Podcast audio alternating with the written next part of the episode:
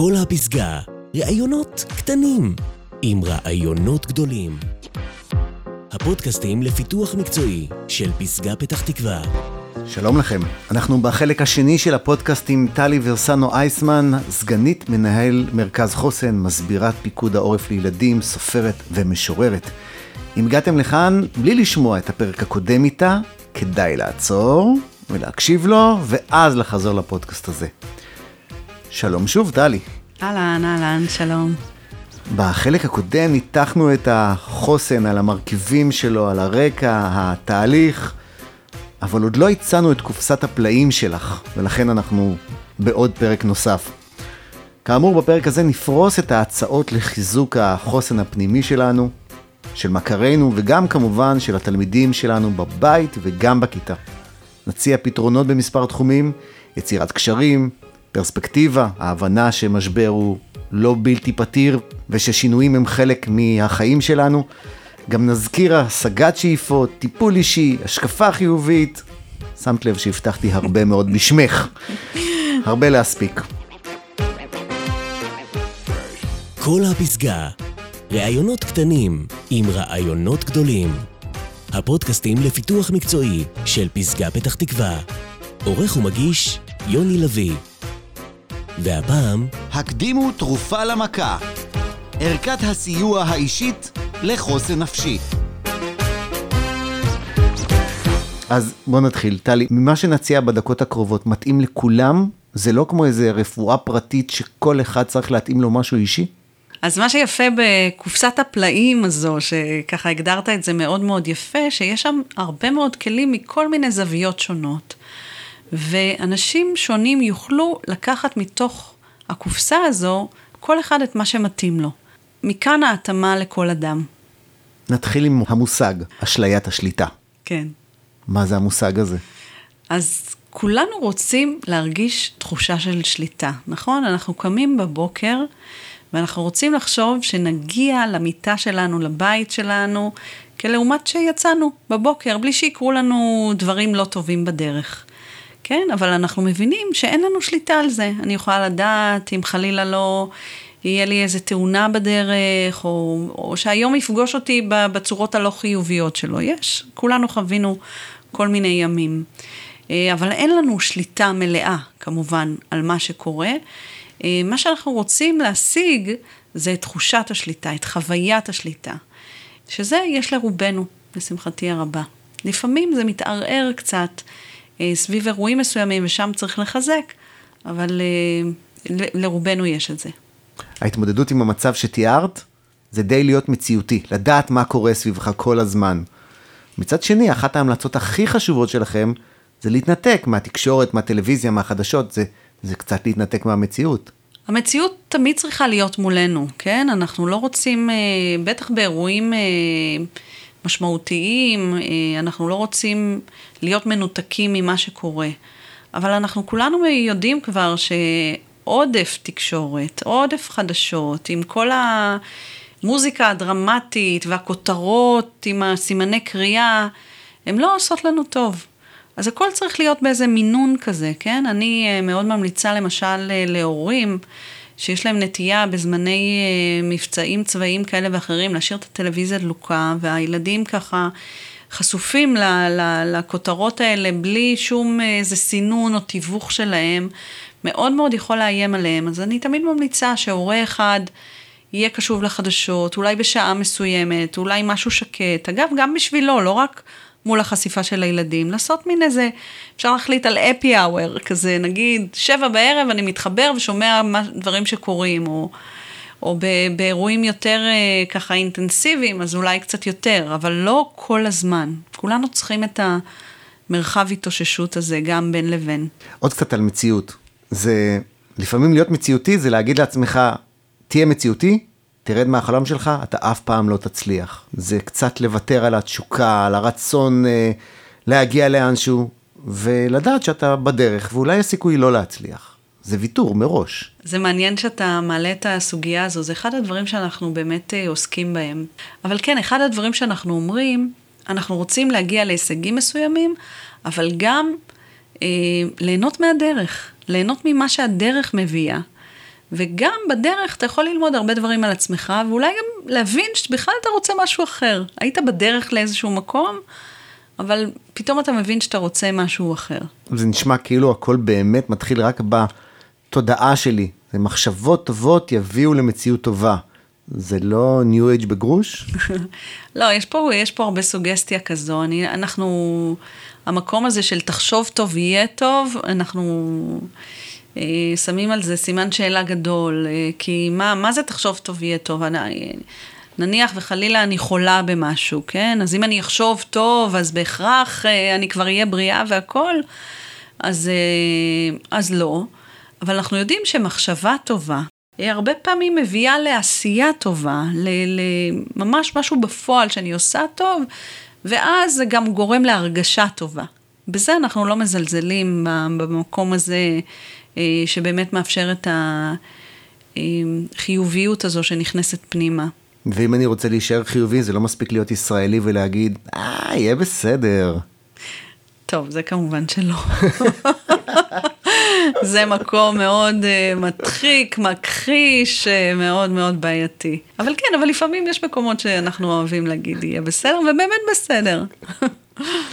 המלצה נוספת של בניית חוסן היא לתת אה, לגיטימציה לתחושות ולרגשות. מה זה אומר להיות רגשן ומוחצן? זה להרגיש מספיק נוח, לבטא את הרגש שלך, גם אם הוא לא פופולרי, כן? גם אם אתה עכשיו לא שמח, או לא מתלהב ממשהו, אלא עצוב או מוטרד או משהו כזה, להרגיש בנוח לשתף את זה מתוך מקום שאנחנו כולנו אנושיים ולכולנו יש רגשות. זה בסדר להרגיש, אנחנו מרגישים, והחיים לפעמים נותנים לנו אירועים שבהם הרגש יוצא שם. כלומר, מותר לפעמים להישבר או לעצור. תוכלי להקריא לנו פה את שירך התאוששות? בשמחה. עמדו חזק, עמדו איתן, עמדו בפרץ, אך זכרו שכדי לעמוד כך לאורך זמן, צריך מדי פעם גם לשבת. לשלוט במחשבות, אה, או לנסות להסתכל עליהם כמו מדען סקרן, להתרחק מהעניין, מבחוץ כזה, לראות אילו דפוסים עולים בנו, מתי, באיזה אופן. האם המחשבה הזאת של לעמוד מבחוץ עוזרת לנו באמת לראות את הדברים אחרת? אז אנחנו אנשים די אוטומטיים. הרבה דברים אה, שאנחנו עושים הם אוטומטיים, ככה גם המחשבות שלנו. אגב, אם הייתי שואלת אותך כמה מחשבות יש לנו ביממה, אתה יכול אה, לזרוק איזשהו מספר? כיוון שעוד לא זכיתי בלוטו, מעולם, כל הימור שלי יהיה לא נכון. אז אני חושבת שאנשים מאוד מופתעים לשמוע שיש לנו סדר גודל של בין 60 ל-70 אלף מחשבות ביממה. יש לנו monkey mind, המוח קופץ, הוא כל הזמן, כל הזמן חושב. כשאני שמעתי את הנתון הזה, הלכתי לישון בלילה ושאלתי את עצמי, אוקיי, טלי, על מה חשבת היום? היו לך 60 אלף מחשבות. תגידי, עשר מחשבות. לא יכולתי להחזיק שום מחשבה אה, משמעותית שהייתה לי במהלך היום. למה זה? שוב, מאותו עניין שהמחשבות הן אוטומטיות כאלה. ומה זה התהליך הזה שאתה דיברת עליו, המטה-קוגניציה, היכולת הזו להתבונן במחשבות שלי, זה בעצם לעלות איזושהי קומה, כן? זה גם השם של הספר שלי, כן? לעלות קומה אחת מעל עצמי. להיות מסוגלת להסתכל על הזרם של התודעה שלי ולהבין מה עובר שם. אה, אז כן, ככל שיש לי את הקומה הזו מעל, אני יותר מסוגלת לבחור. כי אם למשל הייתי שמה לב שבחרתי לחשוב מחשבות לא חיוביות או לא טובות, הייתי יכולה לעצור ואולי לבחור אחרת. להסתכל על היום היפה הזה, על האנשים החדשים שאני אפגוש היום, על האתגרים שיש לי בדרך, זאת אומרת, אני אוכל להזמין לתוך התודעה שלי ולתוך היום-יום שלי את, ה, את הדברים האחרים. טוב, הזכרת את קומה אחת מעליי, אז בואי נטפס לשם. אז זה שיר שכתבתי שנקרא תקיעות. מסתובבת סביב עצמי סיבוב ארוך. רואה את אותם דברים, אותם אנשים, יש לי את אותן מחשבות. עולה שלוש מדרגות, משתנים הרגשות, משתנה עולמי. בסך הכל הייתי צריכה לעלות קומה אחת מעל עצמי. היינו בעצמנו, נסתכל גם על הסביבה. אה, נאמר שחוסן יתפתח אם נפתח גם את היכולות להיות אה, קשובים לאחרים. אבל אחרים מביאים איתם את הצרות שלהם, ולנו, לפעמים אין מקום להכיל את שלנו. איך נעכל גם אותם? אחד הדברים המעניינים שאני הרבה פעמים נפגשת בהם, זה ככל שאני לא מרוכזת בעצמי, אלא ביכולת שלי לתת לאחר, החוסן שלי הוא במקום אחר.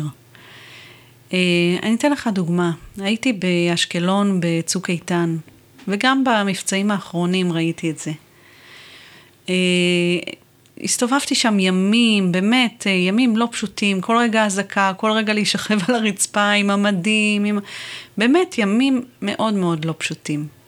אני זוכרת אחת הפעמים, מישהו מקומה רביעית קורא לי, חיילת, חכי רגע, אני יורד. אה, אני אומרת, אוקיי, מה, אוקיי, אני אחכה. ירד עם תרמוס וכוסות ועוגיות.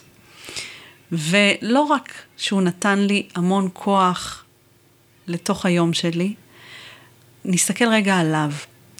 הוא עכשיו לא רק אזרח שמחכה לאזעקה הבאה, הוא יש לו תפקיד, הוא פעיל, הוא חלק מתוך המערכה הזו, הוא עוזר לחיילים. הוא, הוא נתן, הוא לקח על עצמו איזשהו תפקיד שנותן לו הרבה יותר תחושת שליטה, ו, וכל הפרספקטיבה, כל ההסתכלות על המצב, מבחינתו הוא אחר. וכשהוא עושה משהו כזה, הוא פחות מרוכז בעצמו. עכשיו נדלג לנעליים של המורים. כמו שהזכרנו בפרק הקודם, מורה צריך לדאוג לחוסן שלו, למשפחה שלו וגם לחוסן של התלמידים.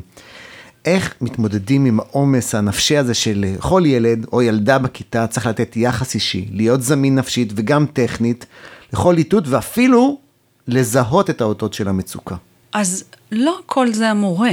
נכון שאנחנו מצפים שמורה אה, יהיה מסוגל לראות תנודות אה, מאוד חזקות, אבל זה, זה לא פשוט לעשות את זה, בטח כשאתה לא רואה את הילדים, בטח כשהם רק במשבצות זום, כן? אנחנו צריכים גם להתאים את הציפיות אל מול המצב.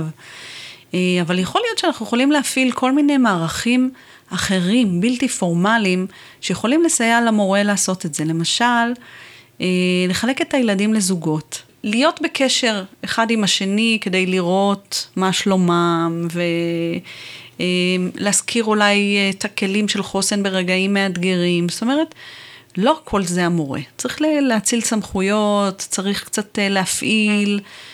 אגב, מאוד יכול להיות ש, שילד יספר לילד אחר דברים יותר מאשר שהוא יספר למורה. לפעמים בקבוצת העמיתים אה, עשוי להיות יותר נוח. לא תמיד, לפעמים זה אפילו יותר מאיים, כן? אה, כי אתה מיד חושב איך תופסים אותי חברתית, אם אני מביע רגש וכולי, אבל כשנוצרים קשרים משמעותיים, זה יכול להיות גם מקום מאוד מאוד נוח. ויש על פי מה שאת אה, טוענת שייתכן שבמצב של אי ודאות, הכל נראה רגוע, אבל אז, אחרי שלושה חודשים, הכל מתפרץ החוצה. נכון. אמ, אחד הדברים שאנחנו אה, פגשנו אחרי המבצעים, אמ, נניח אחרי מבצע צוק איתן, ילדים חזרו לבית ספר, ועל פניו הדברים היו נראים בסדר, נדרש עיבוד רגשי וכולי וכולי, יחסית הדברים היו רגועים, ופתאום אחרי כמה חודשים אנחנו רואים אה, אלימות גואה, איחורים, חיסורים, הטרדות מיניות, כל מיני דברים מהסוג הזה, שזה מין האפטר שוק, כן? יש איזה תהליך כזה גם של, של עיבוד של מה שקרה, ואז הדברים, לוקח להם קצת זמן והם אה, יכולים אה, להתפרק בהמשך. אז שוב, זה המקומות ששם, תמיד אחרי אירועים משבריים, אנחנו אומרים, אה, חשוב להכניס את התוכניות של היום שאחרי, כדי באמת להוריד את רמות המתח ולעבד נכון את האירוע. ו- ומה זה לאבד נכון את האירוע? אני רוצה לתת כאן איזושהי מטאפורה שמאוד יכולה להמחיש את העניין הזה. דמיין לך ארון בגדים, שהוא אה, מבולגן מאוד, לא ארון שלי, ארון שלי מסודר, ועולה על גדותיו, כן? אתה מנסה לסגור את אה, דלתות הארון ואתה לא מצליח. אתה לא מצליח, אתה מנסה, מנסה, לא נסגר. מה שאתה צריך לעשות זה להוציא את הבגדים מהארון, אמ, להסתכל על בגד בגד, לנער, להבין שבינתיים זה לא עולה עליך כי הייתה קורונה ועלית בכמה גרמים, ומה שאתה מחליט להשאיר, לקפל חזרה, להכניס לארון ולהיות מסוגל לסגור את הדלתות. מה זה הבגדים האלה? הבגדים האלה זה החוויות שלנו במהלך התקופה, זה הרגשות שלנו והמחשבות שלנו וה... וכל מה שחווינו. אנחנו צריכים לאבד את זה מחדש כדי להיות מסוגלים לסגור את הדלתות ולהמשיך הלאה. אה, אז זה אחד הדברים שאנחנו מאוד נרצה לעשות אחרי מצבים מסוימים שהם מאוד מאוד משבריים, כדי שאחר כך, אחרי שלושה חודשים, זה לא יתפרץ חזרה. ואם אנחנו מדברים על הגילאים האלה של ילדים ונוער, מה השאלה שחוזרת על עצמה כל הזמן? אז קודם כל נגיד שבאמת לילדים יש את השאלות הכי הכי הכי קשות. אה, ובאמת, אה, אחת השאלות שהכי חזרה על עצמה, גם במבצעים האחרונים וגם בכלל, בטח בצוק איתן, שהיה שם 11 הפסקות אש במבצע אחד, הם שאלו מתי זה ייגמר. ואני זוכרת בצוק איתן ש... שלא הייתה לי תשובה טובה, כי מי ידע מתי זה ייגמר? אה, והייתי כותבת משהו כמו, אני לא יודעת, אה, אני לא יודעת להגיד, אבל אני מניחה שזה ייגמר בקרוב, אני מקווה ש... אה, שממש בקרוב, ואיזה סמיילי כזה נחמד. אחרי ששאלו אותי הרבה פעמים את השאלה הזו, הבנתי שהם לא שואלים מתי זה ייגמר, הם שואלים האם זה ייגמר. וכשהבנתי את זה, שיניתי את התשובה שלי. כתבתי, אני לא יודעת מתי זה ייגמר, אבל אני מבטיחה, זה ייגמר. אני חושבת שזה דבר שילדים צריכים לשמוע מאוד, בטח כשהמציאות והשגרה שלהם מתהפכת עליהם. תראה, אפילו בקורונה, אנחנו מבוגרים מחזיקים איזושהי עמדה בראש, שיום אחד היא תיגמר. כי אנחנו, יש לנו כבר ניסיון חיים, חווינו משברים, נכון, היא נמשכת פה קצת יותר מדי, יותר ממה שחשבנו אולי, אבל מה, לא נטוס אף פעם, אני לא אחזור לקנות בזארה, בחנויות, הרי זה ברור, השגרה תחזור, אולי תחזור קצת אחרת, אבל היא תחזור. ילדים שחווים סגר אחרי סגר אחרי סגר, לא מבינים שזה ייגמר. ולכן התפקיד שלנו, המבוגרים, להגיד, אוקיי, זה נמשך עוד, אבל זה ייגמר. וגם על זה כתבת שיר. נכון, תביעה. כשאני טובעת, אין צורך שתתארו לי את המים, לא את צבעם, לא את עומקם, הרי אני חשה אותם עד צווארי. יש לי רק בקשה, אל תחדלו לרגע מלתאר לי איך נראית היבשה. זאת התקווה. נכון. את המים ואת הקור שלהם ואת החוסר נעימות כולנו מרגישים, הם באמת עד הצוואר. אבל כולנו צריכים להחזיק איזה משהו כזה, את התקווה הזו, את ה... את... לאן זה הולך, מה יהיה אחרי. לכן אחת ההמלצות שלי, זה גם עכשיו, בימים ה... של החוסר ודאות, שיהיה לכם איזה תכנון קדימה, איזה טיול משפחתי שאתם מתכננים. יכול להיות שתדחו אותו כמה פעמים, אבל תתכננו, תחזיקו איזה משהו כזה לחכות לו, לצפות לו. יש לך אה, שיטה של פיתוח חוסן גם בבית, אבל גם בכיתה. חלוקת תפקידים. כן. אז ככל שלילד, או אפילו למבוגר, יש תפקיד, תחושת השליטה שלו הרבה יותר טובה. אם ניקח אה, אירועים אה, מלחמתיים כאלה, אה, אז ילדים יכולים לקבל תפקידים כמו להתקשר לסבא וסבתא כשיש אזעקה, או להכניס את הכלב, או לטפל באח הקטן. אני הסתובבתי אה, ב- ב- ביישובים ונפגשתי עם משפחות, וכל הזמן שאלתי, ומה התפקיד שלך, ומה התפקיד שלך, וגיליתי שבאמת לילדים יש תפקידים. ושוב, כשיש תפקיד, אז יש לך תחושה שיש לך חלק בתוך המערכה, אתה לא רק פסיבי אליה, אתה, אתה באמת בתפקיד. אז נכנסנו לשלב הזה של עצות מעשיות של קחו ונסו בבית. נעבור לכמה תרגילים לשעת משבר, קחו עיפרון, דף, תתחילו לרשום. אי אפשר שלא לפתוח עם בועות הסבון. הלהיט הגדול. כן. בכלל נשימה זה סטארט-אפ מטורף, אני לא יודעת למה מזלזלים בערך הזה. אה, אולי נעשה איזה תרגיל עכשיו ביחד, יאללה. מה אתה אומר? וגם המאזינים איתך. יוכלו לעשות איתנו. אז שבו בנוח על הכיסא, תרגישו ככה שהכיסא מחזיק אתכם. וכשאני אספור עד שלוש, אני אבקש מכם להצמיד את הברכיים אחת לשנייה הכי חזק שאתם יכולים, בסדר? ולהחזיק שם עד שאני משחררת, אוקיי? אבל להצמיד כמו שצריך, לא, לא בכאילו. אז אחד, שתיים, שלוש, להצמיד, להצמיד, להצמיד, להצמיד. לשחרר. נשמת בזמן הזה? לא.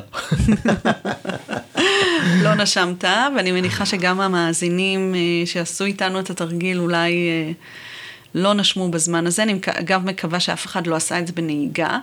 אנחנו לא נושמים למה?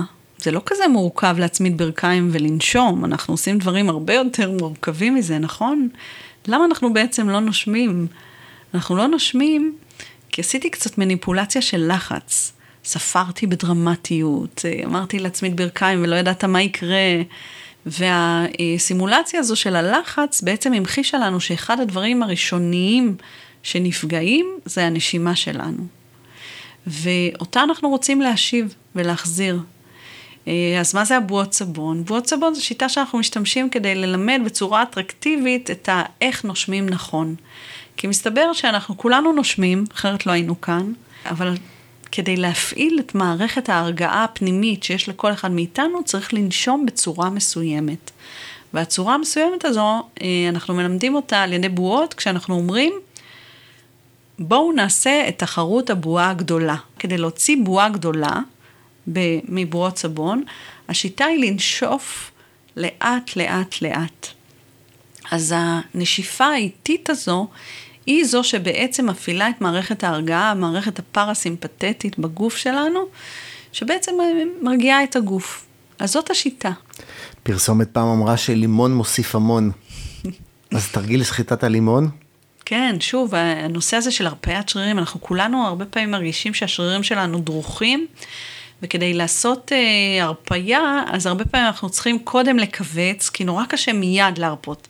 אנחנו רוצים שליטה גם על התחושה הזו, כן? אז אנחנו נדמיין שאנחנו סוחטים לימון ומרפים. ועושים את זה כמה פעמים, וזה בעצם משחרר את רמות המתח אה, בגוף. אני באופן אישי איש של כלבים, אבל את טוענת שכדאי שאלמד את מתיחת החתול. כן, זה ממש אה, מתוך אה, תרגיל של הרפיית שרירים הדרגתית. אה, אז החתול שלנו מתמתח, אנחנו יכולים להתמתח עכשיו ביחד, תראה כמה כיף להתמתח עם הידיים לאחור, ו...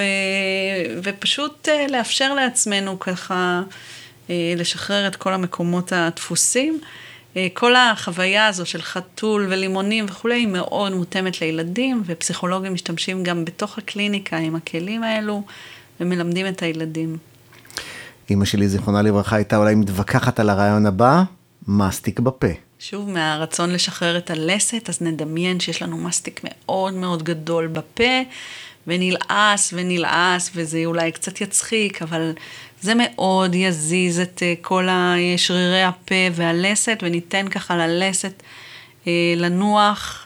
אחרי שאנחנו אה, לא עושים את המסטיק הגדול, ושוב נעשה את זה. יש חשיבות לעשות את זה פעמיים, כדי אה, בפעם השנייה להיות במקום של יותר שליטה ויותר אפשרות להניח. עוד תרגיל מוזר, זבוב ליד הפנים. על האף, על האף במרכז. אז בוא נראה אותך מוציא אה, זבוב שנמצא לך על האף בלי ידיים. דורש ממך לעשות המון פרצופים מצחיקים, ושוב מפעיל את כל שרירי הפנים בצורה חווייתית ונחמדה. ושוב נחזור על התרגיל הזה פעמיים, כדי באמת לאפשר לפנים אה, להשתחרר. אחרי כל התרגילים הללו, השתפר החוסן שלנו? לא. אנחנו נצליח אה, אחרי כל התרגילים הללו לאזן את רמת המתח בגוף. הרבה פעמים רמת המתח שלנו לא מותאמת למה שקורה. אתה יכול לקום בבוקר, להרגיש רמת מתח 8 מתוך 10, כשלמעשה עוד לא קרה כלום. אז אדם צריך לשאול את עצמו, מה רמת המתח שלי? אגב, זה אחד הדברים שאנחנו מאוד uh, מקפידים עליו uh, בתוכנית שלנו של חוסן, של קודם כל לעצור, לשים לב, מה קורה? מה, מה קורה? כן? כשאני עוצרת ואני שמה לב שרמת המתח שלי שמונה, שאין שום סיבה בעולם שהיא תהיה שמונה, שכנראה עברה איזו מחשבה בתודעה או משהו שהביאה אותי לשמונה, אז אני יותר מודעת, ואז אני יכולה לעבוד עם הגוף שלי, כן? ולהתחיל לשדר למוח, הכל בסדר. אז אה, זה לא ישפר את החוסן מיד, כן? צריך סדרה של דברים וצריך לחזור על הדברים, אבל כן, זה יעזור לנו להתאים את רמת המתח למה שקורה. אנחנו על סף סיום הפודקאסט. אה, ואבקש ממך להקריא עוד פיסת יצירה שלך, מחשבות של חדר מדרגות. בשמחה. רגע אחרי שאני סוגרת את הדלת, אני נותרת בחוץ, עם מה שאמרתי, ובעיקר עם מה שלא. ונותרות בי המחשבות, מחשבות של חדר מדרגות.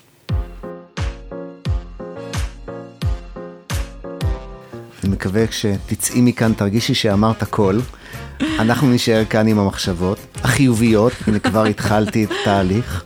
אה, אברך אותך בברכה שתישמע קצת אה, על הפנים, אבל אני מקווה שתישארי כל מה שאמרנו עלייך. סגנית מנהל מרכז חוסן, סופרת, משוררת, ובצד זה שתפקידך כמסבירת פיקוד העורף לילדים, לא יהיה בו שימוש.